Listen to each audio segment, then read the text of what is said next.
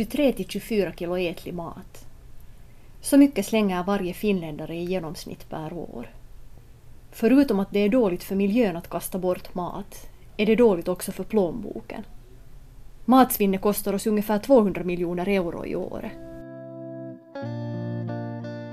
Dystra rapporter om miljöns tillstånd och stater som drar sig ur överenskomna klimatavtal triggar klimatångest, det vill säga den oro, ångest och rädsla som klimatförändringen väcker. I den här poddserien tar vi upp exempel på hur vi tillsammans kan bygga en hållbar värld. Att dela hoppet med varandra och använda det som drivkraft i vår strävan efter en bättre värld. Välkommen till Ekofasta-podden. Vi finns på webbsajten ekofasta.fi. 23-24 kilo ätlig mat. De goda nyheterna är att det går att minska på. Det här är temat för det första avsnittet av Ekofasta-podden. Jag heter Jessica Suni och med mig i studion har jag Martaförbundets hushållsrådgivare Elisabeth Eriksson. Och vi ska diskutera om vad man riktigt kunde göra för att minska på matsvinnet. Matsvinnet i hemhushållen så uppstår nu av olika orsaker. En stor orsak är kanske det att eh, vi har jättemycket små hushåll, alltså singelhushåll eller tvåpersoners hushåll. Och eh, matförpackningarna i butikerna är faktiskt ganska stora. Det slängs ju också hemskt mycket färdigt, alltså hemlagad mat. Vilket ju förstås lite tar så här en Marta-hjärta eh, extra mycket, att, att man tänker att man har köpt hem de där råvarorna och så har man tillrätt maten, det har liksom tagit kanske tid och, och energi och man har haft det i kylskåp och så här. Och sen så hamnar man i slutändan att slänga det. Hur stora mängder är det som vi talar om? Om man tänker nu hela matsvinnet i, i Finland, så eh, av alla vi som producerar det här matsvinnet, så är det ju alltså hemhushållen som står för 35 procent. Så det är liksom egentligen den största enskilda andelen av matsvinn. Och om man tänker att vi slänger då den där i snitt 24 kilo fullt ätbar mat per person. Och man har uppskattat att det är kring 125-130 euro per person som du slänger liksom mat. Och, och, det, och det här måste ju komma ihåg att det här är ett snitt. Det finns de som slänger piki, piki, piki lite och så finns det de som slänger mycket, mycket mer än det här. Men det här är alltså därför vad den här, eh, en sån stor foodspill, den här undersökningen då 2012 visar. Och faktiskt nu också de här senare siffrorna visar nog på att vi inte har blivit bättre, tyvärr, i hemhushållen. Men sen om man tänker på, på övriga sektorn, så handeln, alltså matbutikerna till exempel, så de har kunnat minska på sitt matsvinn av olika orsaker, som vi säkert här senare nu kommer att, att diskutera. Och det är ju jätteskönt. Offentliga måltiden står för, för en del och sen också ju produktionen. Att redan vid produktionstillfällen så så uppstår det matsvinn. Men att faktiskt att vi, du och jag i hemhushållet, vi är de som, som, som är som största boven. Och därför så förstås har Matteförbundet, tycker vi ju att det är en, en, en jätteviktig och bra grej det här att jobba med mot det här matsvinnet just i hemhushållet, för det är där som vi själv kan påverka. Martaförbundets eh, kampanj mot matsvinn, alltså den här svinnkampen som vi hade 2015-2016, som var ett sånt här jord och skogsbruksministeriets finansierade projekt. I den kampanjen så lyfte vi just upp den här problematiken kring, kring det här matsvinnet just i hemhushåll. Vi var också delvis, hade vi också kopplat in handeln där, men allra mest så, så fokuserar vi då på, på hemhushållet, vad vi kan själv göra som konsumenter, hur vi kan liksom genom att ändra våra vanor, lite bli noggrannare, planera mera, lite mera tänka till vad vi kan göra för att minska på det där matsvinnet. För att som vi redan sa här så det är ju, det är ju en ekologisk förlust och, och en ekonomisk förlust. Plus att jag alltid brukar tänka på det här sättet att det är ju också det här att den där tiden du tar när du ska ränna i matbutiken, som ju ofta är så förskräckligt stora redan i dagens läge, att du, du, du sparar ju också tid om du mer kan utnyttja det vad du redan har där hemma. Så det också handlar ganska mycket om att kanske öka den där kreativiteten. Under de här åren hade vi mycket sådana matlagningskurser och föreläsningar och olika sådana jippon kring den här med matsvinn.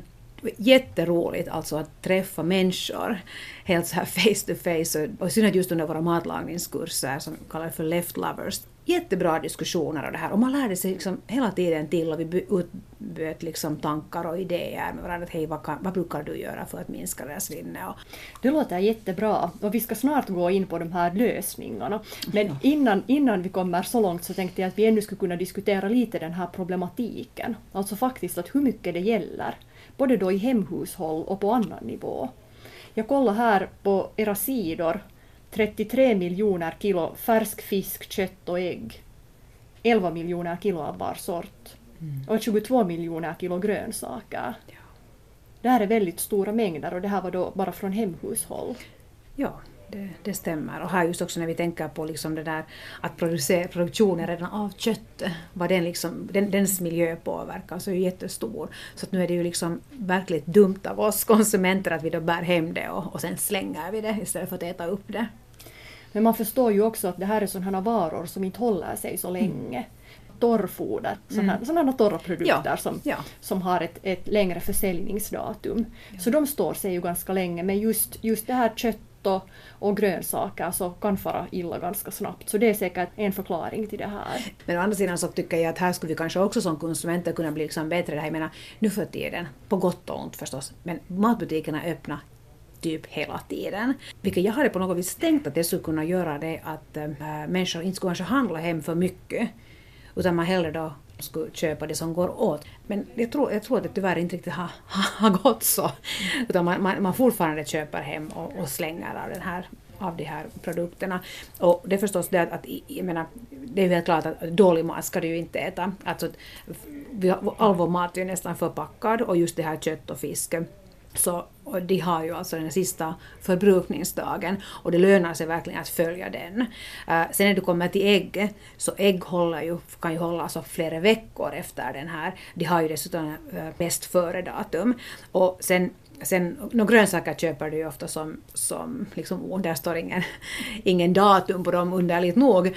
Men, men det där, alltså där får du ju använda lite dina sinnen och titta på den. Men jag menar, är det nu så att du börjar ha några äh, tomater som börjar bli övermogna, koka snabbt en soppa av dem eller gör en tomatsås eller, eller liksom vad som helst, liksom, att man inte bara där står och funderar.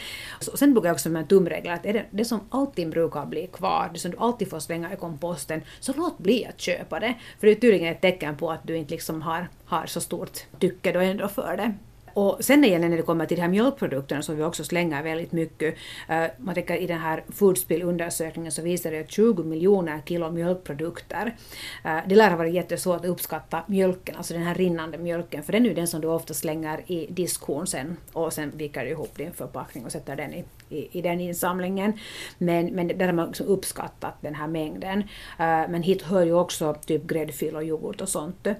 Där finns ju också just den här bäst före-datumen och jag menar, det betyder ju faktiskt det att om den här datumstämpeln nu är 5 mars så betyder det ju inte att 6 mars måste du slänga den, utan då igen använder du dina sinnen, doftar och smakar på dem och de håller nästan alltid en vecka åtminstone. Och de här syrade mjölkprodukterna håller kanske till och med en månad.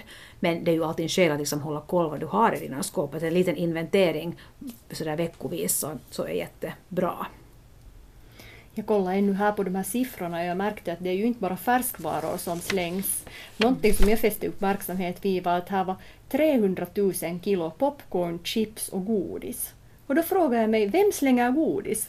Jag kan inte förstå ja, eh, eh, ja, ja, verkligen att, att är det då så att det också att, att påsarna verkligen är så pass stora att du inte ser mera förmår utan du har ätit dig så mätt på det där lösgodis att du sen slänger dem eller är det så att det där sista chipsen i påsen det blir bara smulor och du vill inte se mera ha det eller kanske du har gjort någon bättring att du tänker att nej nu äter jag inte mer av det här.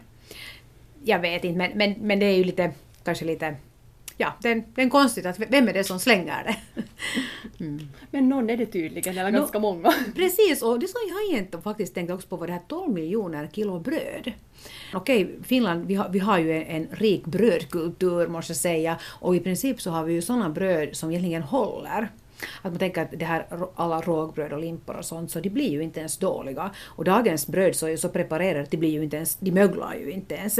Men att kanske det är nog bara igen det att det är för stora förpackningar och i våra små hushåll inte mera förmår dem. Eller sen tänker jag också det att kanske det är att man har tappat den där liksom eh, förmågan och kunskapen att, eh, liksom att fixa till någon. Jag menar, vad har det hänt med oh, vad ska jag säga, brödpuddingen, äh, fattiga riddare eller att du bara rostar upp det där brödet, äh, du gör krutonger av det, äh, eller typ så här fattigmans parmesan. Jag menar, du kan ju, du kan ju no, ja, okej, okay, kanske man inte riktigt ska mata fåglar med dem för de är ju så saltiga och innehåller så mycket tillsatsämnen, men, men jag menar att man kan, ju, man kan ju äta dem ändå, att det behöver ju inte vara dagsfärskt det där ljusa brödet heller. Men det, det, är stora mängder alltså, alltså bröd som, som också slängt. Och sen den här, den här, den här siffran, alltså 11 miljoner kilo hämtmat. Alltså det att du först då tar och beställer en pizza och sen så slänger du den. Så det, det är också lite, men jag tänker att du har du liksom Okej, du, har, du har ringt och beställt den där pizzan, du har, uh, det här pizzabudet har hämtat det hem till dig och, men så slänger du det. Alltså man kan ju förstå, det kan, det kan ju hända sig att man beställer ananaspizza och konstaterar att man inte tycker om ananaspizza. Ja, förstås ja. Jo, men nu, 11 mm. miljoner kilo. Ja, Nej, det... jag tror inte att allt det där är ananaspizza. Nej, faktiskt inte. Eller, eller riktigt dålig kinamat, det tror jag inte heller. Mm. Ja, alltså det här var ju då hemhushållen som vi tittar på. Mm. Men att utöver det här så åstadkommer livsmedelsindustrin ett matsvinn på 75 till 140 miljoner kilo per år. Mm. Och den offentliga måltiden producerar 75 till 85 miljoner kilo matsvinn, medan handeln står för 65 till 75 miljoner kilo. Att det är nog ganska stora siffror. Det, det, är stora siffror och faktiskt som, som, som jag kanske sa redan här tidigare så, så handeln är egentligen de enda som har kunnat liksom lite minska på sitt matsvinn sedan, sedan det här 2012. Vad beror det här på? Det här är egentligen olika orsaker, men äh, Livsmedelssäkerhetsverket, Evira, kom ju redan här, för några år sedan kom de ju redan med så här lättnader, vilket betyder det att, äh, att handeln får dela ut så här mathjälp och det har ju ökat massor nu på de här senare åren, att det har liksom verkligen ökat och det, det tycker jag själv att är en bra grej. Och det som förstås så jag kan ju förstå från handelns sida är ju redan det att de, de kan ju minska sitt eh, svinn. För att allt som slängs kostar ju också, alltså avfallskostnader. Jag brukar försöka undvika att ränna i butikerna men nu tänkte jag lite inför, inför det här att jag måste lite gå och titta nu och, och, och så faktiskt råkar jag vara det måste vara lördagskvällen som jag var och handlade. Och så, så massor med just med de här röda lapparna på, på sådana färskvaror. Det var sånt kött och, och också mjölkprodukter och sånt. Det här 30 till 50 procent? Ja, det var liksom minus 30 procent och så har ännu vissa, vissa butiker har har ännu sen att efter klockan nio, alltså om, om, den sista öppenhållningstimmen så har, har de ännu sen att de säljer de där röda lapparna för minus 60 procent. Och det har jag förstått av, av handeln, liksom att det, det verkligen det lönar sig, att, att folk faktiskt kommer och köper, köper liksom just köttprodukter som ju kanske är en ganska dyr, eller en dyrt livsmedel. Och det är ju jättebra. Sen får man ju förstås hoppas att det inte bara blir hemma där i skåpen och, och sen att sen konsumenten själv måste slänga det, men att, att, att man verkligen förstår sen då att använda bort det. I en del grejer kan man ju förstås också frysa in. No, det stämmer ju, att, och de flesta hemhushåll har ju jag har ju fryst nu för tiden. Och, men också där kanske så skulle jag väl som hushållsrådgivare lite vilja påminna också att alltid nu och då ta och titta vad har vi där i frysen för att, att inte blir liksom någon form av förkompost. För många gånger har vi så förskräckligt mycket mat att det är väl det som är kanske också ett av av de här problemen eller utmaningarna i den här matsvinnsgrejen. Att vi har så mycket och sen har vi inte riktigt koll på vad vi har i våra skåp. Jag brukar själv tycka så, jag menar, jag tycker, jag menar kokar jag en ah, vad ska jag säga, morotslinspurésoppa så gör jag alltid en, en, en trippelsats. För att vi äter ganska mycket i vår familj och så tycker jag att det är jätteskönt att ha på lut i frysen. Att jag brukar säga att det är som, för mig är det som att ha pengar på banken. Äh, det har jag inte så, jag har hellre mat i frysen. Men vet du, det, det, är som en säkerhet på det sättet. Men jag har ganska bra koll ändå på vad jag har där. Inte, inte alla gånger är det inte helt lyckat men, men jag vet inte om jag skulle börja hamstra hem äh, malet kött. Det, det tror jag inte. Men det här kommer jag att tänka på att det är ju också säkert ett sätt att minska på det här matsvinnet. Att om man lagar för mycket mat Mm. så kan man ta och då frysa in en del. Absolut. Inte för mycket, inte så att man har frysen full. Nej, men, att, men att faktiskt att, att lite sån här portion, äh, liksom, och vet du, en portion eller i fyra portioner, det beror. Och jag, till exempel en sån jättebra grej är det här att du tar med som lunchbox till jobbet följande dag. Då vet du vad du äter och, och, och det blir ju mycket billigare också på det sättet. Ja, det kommer jag att tänka på att jag har på vissa arbetsplatser sett att de har haft en sån här hylla som har varit jag kommer inte ihåg, det brukar kallas lite olika på olika ställen, men det är sådär fritt fram att ta från den här hyllan. Jo, men det låter ju bra. Nu, det är ju inte heller meningen att man ska använda arbetsplatsens kylskåp som en kompost.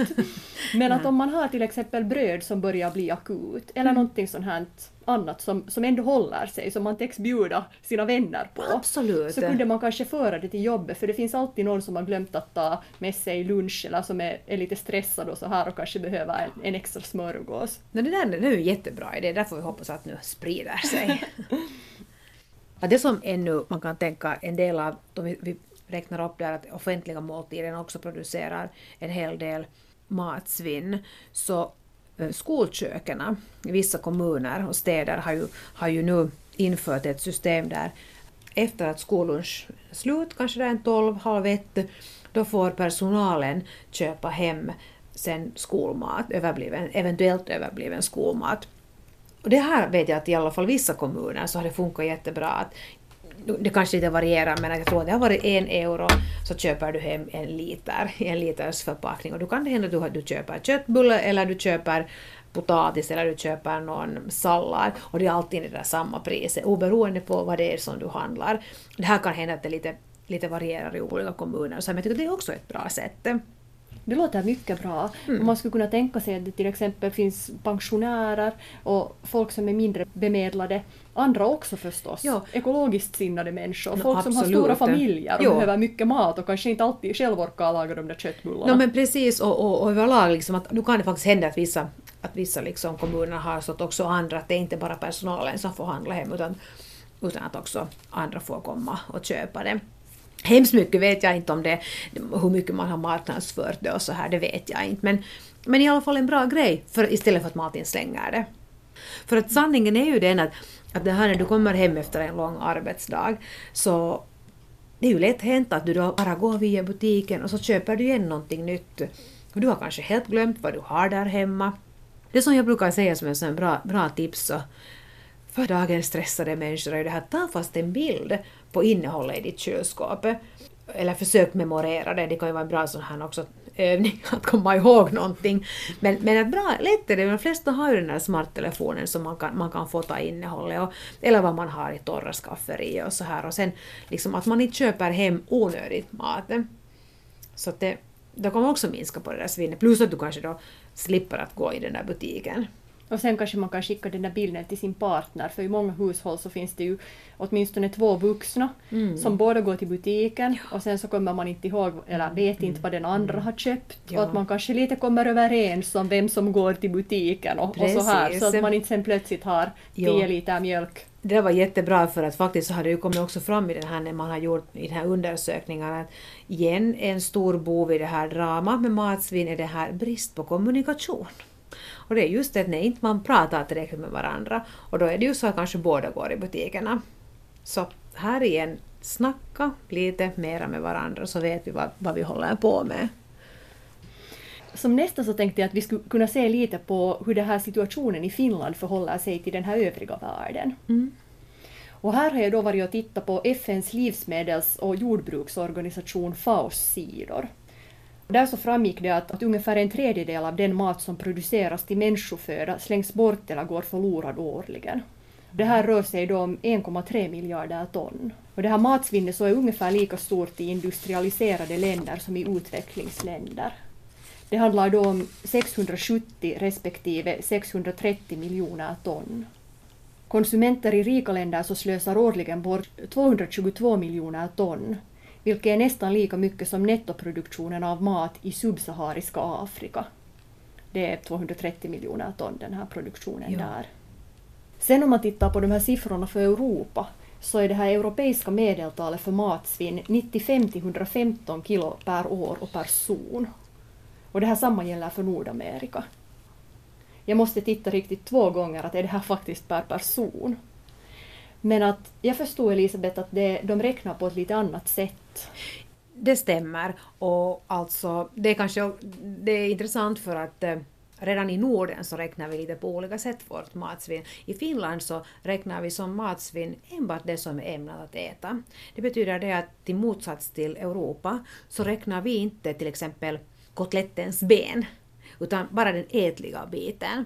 Och, och det här vet jag att man har, man har, man har försökt på, på EU-nivå att man ska kunna få det, få liksom ett lik, likadant räknesätt, ett likvärdigt sätt. Om vi nu tittar helt sådär liksom krasst på det hela så är det ju så att det här, alltså det här är ett globalt problem och ett, vi producerar liksom på tok för mycket mat än vad vi liksom konsumerar. Så det är ju, det är ju helt crazy liksom. Och sen ännu då det att, att den, här den mat som produceras, när, liksom jag menar när den här fördelningen är så ojämn. Att vi måste ju komma ihåg att det finns också folk som ser svält. Just det har visserligen ju minskat, men, men, det där, men, men ändå att hela den här distribueringen och fördelningen av den här uh, matproduktionen, det är, ju, det är ju där som det brister. FAO räknar, räknar med att den här maten som slängs bort i Europa så skulle kunna mätta 200 miljoner människor. No, där ser man. Att jag tänker här skulle man kunna sätta liksom lite mera krut på det här. Mm. Att, att liksom verkligen göra någonting åt det ja. här stora. För men det här är ju inget nytt problem. Och det lyfts liksom från så många olika äh, sidor upp det här och, och liksom verkligen alltså, myndigheter och, och liksom organisationer lyfter det. Så, så här skulle man kunna sätta krut. Nu FN och Europaparlamentet så skulle faktiskt vilja halvera det här matsvinnet fram till år 2030. Att det, här, det här är ett av FNs globala hållbarhetsmål och det går då ut på att man ska producera och konsumera livsmedel på ett hållbart sätt. Men det känns ändå ganska långt fram i tiden. Det känns jättelångt fram i tiden. Ja, men man måste väl kanske, hmm, kanske man borde vara positiv nu och tänka att bättre sent än aldrig. Att, att det är ju så mycket, alltså det här, hela det här hållbarhetstänket, jag tycker att man har, nu har vi prata väldigt mycket om det. Att nu måste det liksom bli någon action på riktigt. Så att man, vi, men vi, vi, får väl hålla tummarna och önska lycka till. Och liksom, jag tänker att alla kan dra sitt strå till stacken. Det är ju det som är, är det här viktiga. Och, och, faktiskt som man brukar säga att man ska liksom gräva där man står. Att det är redan väldigt, väldigt viktigt. Och alltid liksom visa på bra exempel. Så nu, jag menar, nu tar de stora det också efter oss sen. Här ska vi ta in ett inslag från Andreaskyrkan där de ordnar matutdelning varje torsdag. Tuntuu siltä, että mitä pimeämpää on, niin kuin nytkin tuolla ulkona, niin sitä enemmän kaipaa valoa. Ja myöskin sitä kirkkaammin siellä pimeydessä valo loistaa. Låt mig få tända ett ljus,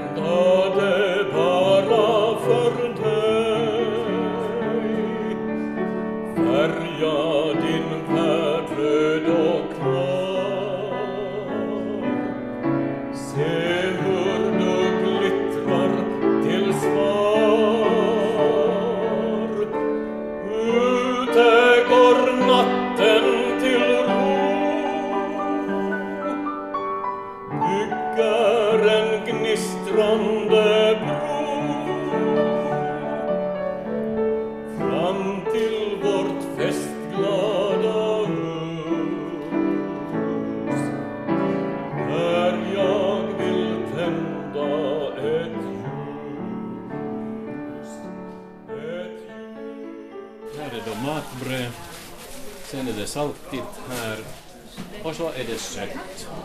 Och sen kommer då hevi, hedelmä ja vihannes. Här är potatis och, och sånt. Och här är då, då sallader. Sen har vi vapaat markkinat och det betyder det att det är kritiska datum. Och de får då själv avgöra om de tar, tar dem. Det gäller då de här, de här mejeriprodukterna och brödet där. Bo Ekman är en av församlingens aktiva som deltar i matutdelningen. Jag är en frivillig, som alla andra, vi är närmare hundratalet totalt. Och varje torsdag så är vi minst 30 här för att det här ska snurra runt med de som är uppe i kyrkan och sköter serveringen där och de som sen är här nere vid utdelningen. Vi har väl totalt eh, sett inemot fem, säkert mot 600 som då är registrerade med ett namn och ett telefonnummer en, en del av de här människorna Eh, kan ju till och med vara papperslösa så att vi kräver inga, inga och har inte rätt att kräva heller passuppgifter och, och socialskyddssignum av dem. Eftersom de är så många så kan vi inte ta alla på varje vecka utan de får komma varannan vecka. Det är ju ofta ett hushåll, en familj eller ett matlag som de representerar. Så det representerar nog i, i själva verket många, många hundra och tusentals människor.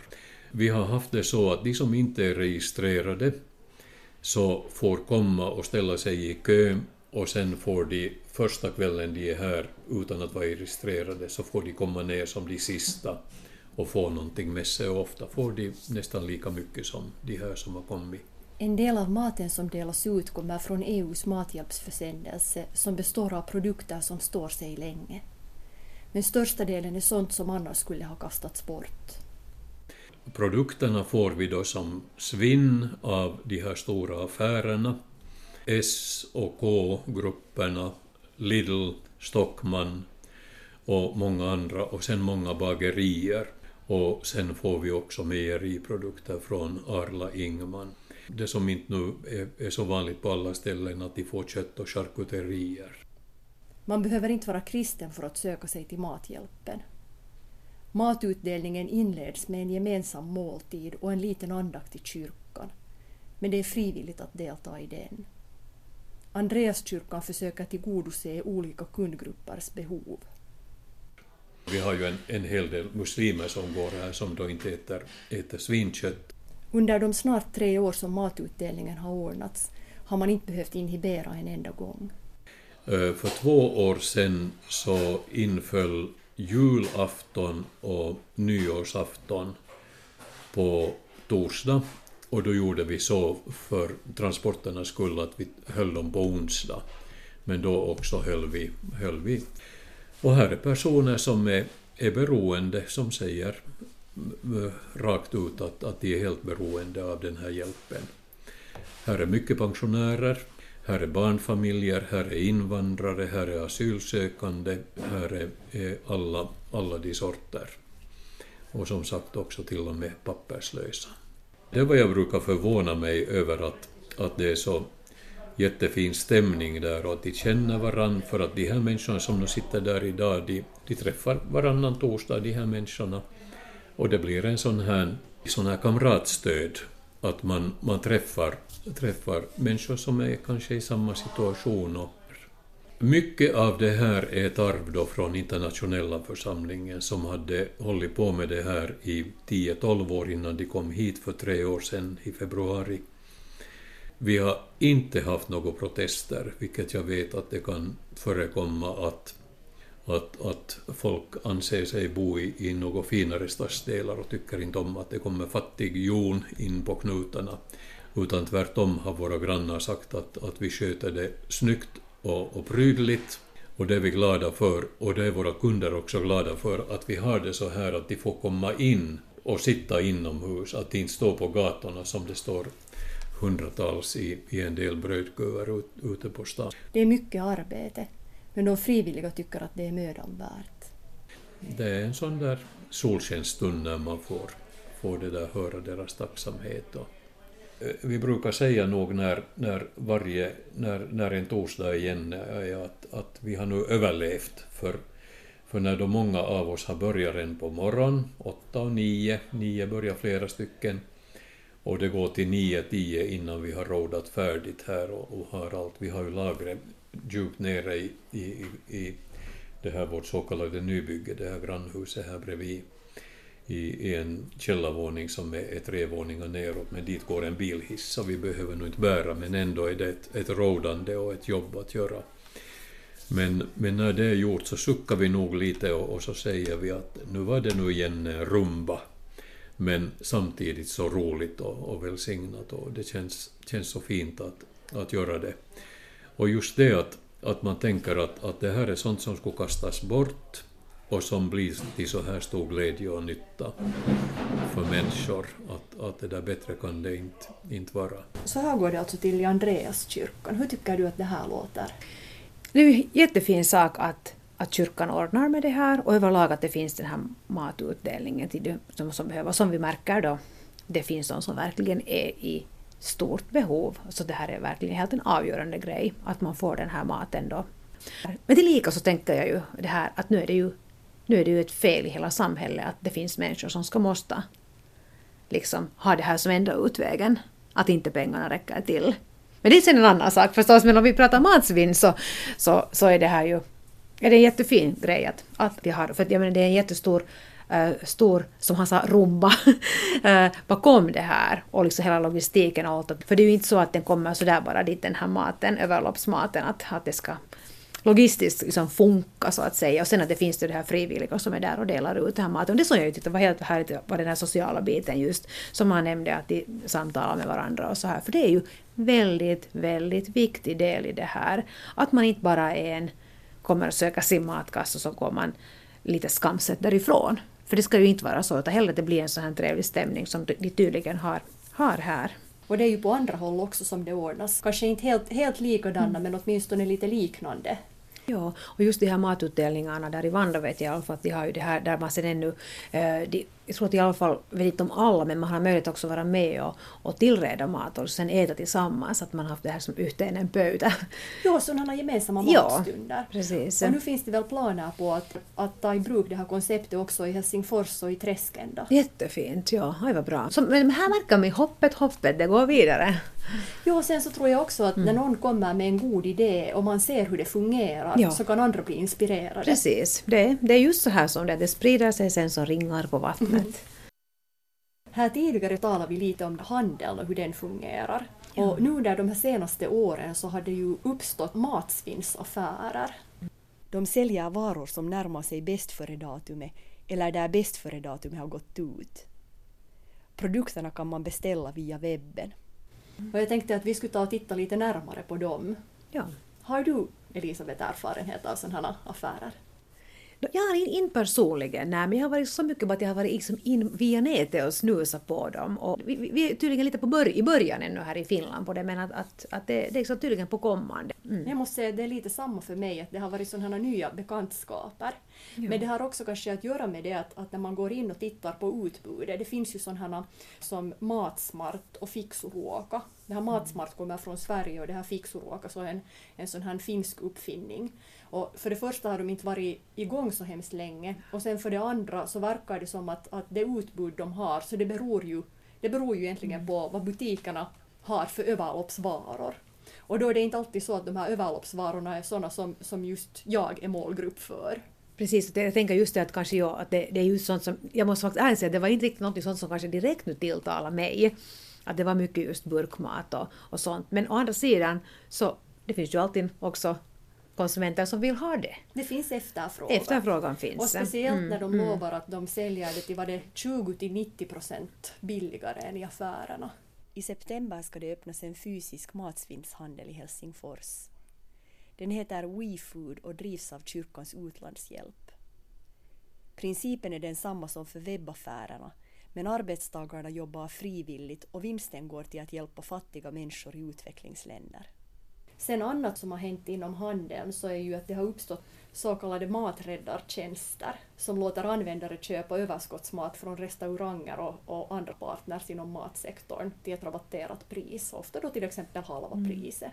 Här i Finland så har vi åtminstone Rescue Club och sen Lunchi är det såna, det, det funkar väl närmast här i, är det här i Helsingforstrakten eller är det, är det också i andra, andra städer? Det är nog också i andra ah, städer. Okay, Åtminstone det här Rescue. Det här Lunchi så är inte så bekant för mig. Ja. Restaurangerna och mm. de här andra ställena så meddelar att nu finns det till exempel två bullar mm. och det är två euro.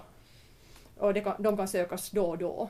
Ja. Och vanligen så kostar de här bullarna fem euro eller någonting sånt. Precis. Och sen så via sin smarttelefon eller via mm. webben, mm. åtminstone på Rescue så tror jag mm. att, att det går att logga in på nätet också, att man inte behöver ha en smarttelefon. Ja. Så det där så tar man och reserverar och man betalar i förväg och sen går man och söker ut det. Ja, ja men det, det låter ju, det här är ju igen ett steg liksom till det här att, att minska det här svinnet. Mm. Och det är ju också bättre för restaurangerna förstås, att, att de får något pengar än att de bara ska slänga bort det. Och det här Rescue så uppger att de hittills har räddat över 80 ton mat. Ja, wow. Så det är ganska mycket. Det, det är nog mycket. Sen så finns det ju också sådana matsvinnsrestauranger som till exempel Loop i Helsingfors. Det enda så jag då kan, kan så här minnas är ju de här sådana pop-up restauranger som har varit då nu och då. I synnerhet Ja. då på höstarna har det ju nu, jag tror att det är kanske femte eller sjätte året som det finns den här, den här spillveckan. Och då har man ju gjort den Just här, det, sån ja. här lite så här Eh, matsvinnsjippo. Att Det har ju varit här på Kampens torg och så har det väl också varit, om jag minns rätt nu så har det både varit i Tammerfors och i Åbo också. De här, att vi har Martaförbundet, i och med att vi har då den här Svinkampen projektet så var vi också med några år i den. Det var ju faktiskt så att butikerna gav mat som skulle annars ha kanske hamnat slängas bort så, så tillredde sen uh, eh, det var sån Laureas uh, restonomstuderande så tillredde den här maten tillsammans med några sådana här kända köksmästare. Så det har också varit så här som har just igen, igen ett sätt liksom att synliggöra den där problematiken. Och det är ju jättesmart på många sätt för att oftast är det ju sådana varor som butikerna skulle slänga bort som bäst. Som bäst, precis. tänka på bananer? No, jag tänker på bananer faktiskt till exempel, och det måste jag ändå sen tillägga här att det är också de här de här redan befintliga butikerna så, så i alla fall vet jag att S-kedjan de kör ju med den här äh, två euroslådan, alltså just med, med det är alltså så här, den här så kallade heavy-lådan, alltså där är då både grönsaker och frukter och rotsaker. Det är lite beroende på, så de brukar göra en sån här, sån här ganska sån här kiva eh, två euros låda som då alltså, där är, för fem, där är fem kilo fullt ätbar mat. Och då kan det just vara till exempel att man har öppnat en mandarinpåse var Ofta säljs ju mandariner nu för tiden en sån här kilospåse, där en mandarin äh, eh, har liksom blivit dålig då.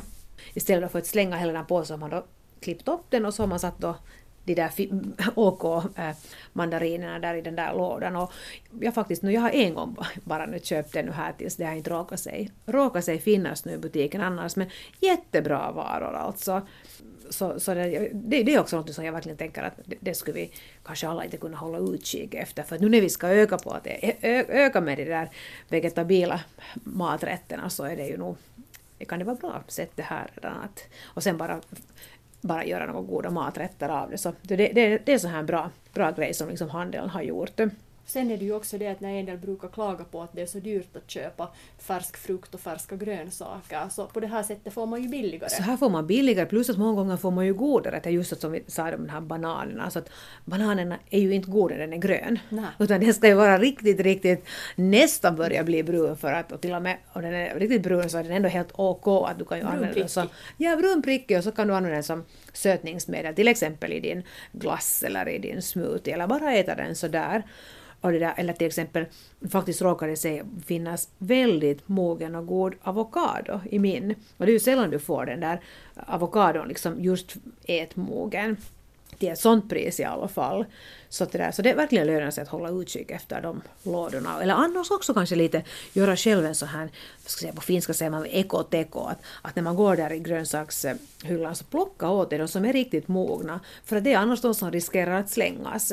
För vi är väl på något vis lite tölpiga i det här landet, att vi, vi tar, köper hellre sånt som är riktigt stenhårt och inte riktigt smakar någonting, bär hem det och försöker få det att mogna och sen hinner vi inte äta upp det för det är övermognat. Det, det, man, ska, man måste vara lite sådär ja, kanske på jakt efter just de där godaste grejerna.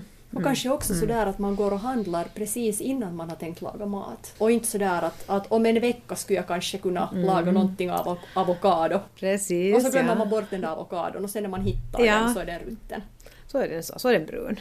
Ja, men kanske vi borde ta till det där, ännu upprepa de här fem, fem tipsen Ja, det låter vi som har en god kommit idé. med. Att, att vad du själv kan göra i ditt eget kök. Och då är det alltså att inventera matförråden och använd det du har innan du går till butiken. Just det här, ta fast då en bild. Eller sen använd dina sinnen innan du slänger. Och här har vi då till exempel just mjölk och mjölkprodukter. Och här skulle det kanske vara bra att poängtera att bäst före datum och sista förbrukningsdag är två skilda Det saker. är två helt skilda saker. Ja. Använd hela råvaran. Det här också, här handlar det väldigt mycket om livsmedelskunskap och matlagningskunskap. Och här har vi ju fisken som exempel. Om du köper en hel fisk, du måste veta hur du liksom handskas med den för att få ut allt därifrån. Men så fort du har den kunskapen, du har den här matlagningskunskapen, så kan du liksom få ut nästan allt. Okej, i en hel fisk så blir det alltid ett litet svinn, det är ju helt klart. Men du kan koka buljong på fiskrese till exempel. Du kan, kan liksom använda det sen till din soppa. Eller låt oss säga att du har en purjolök. Du ska ju använda hela purjolöken och inte bara en del av den. alltså använd hela råvaran. Och sen vara kreativ. Utmana dig själv och skaffa de där matlagningskunskaperna som du kanske inte har. Jag menar om inte annat så kom på Marta-kursen. För att eh, Statistikcentralens undersökning visar på att var femte matkass går raka vägen i soporna och det är, det är huvudlöst. Det är jättemycket och det är alltså per hushåll. Ja, Här kommer en liten tips på vad man skulle kunna göra för att minska restmaten. Men jag tycker det skulle vara intressant att höra av lyssnarna vad de har för tips. Vad kan man göra av restmat? Och på vilket sätt skulle man kunna minska på matsvinnet? Jag heter Jessica Sumi och med mig i studion så hade jag Martaförbundets hushållsrådgivare Elisabeth Eriksson. Dela dina tips på sociala medier. Hashtagga ekofastan.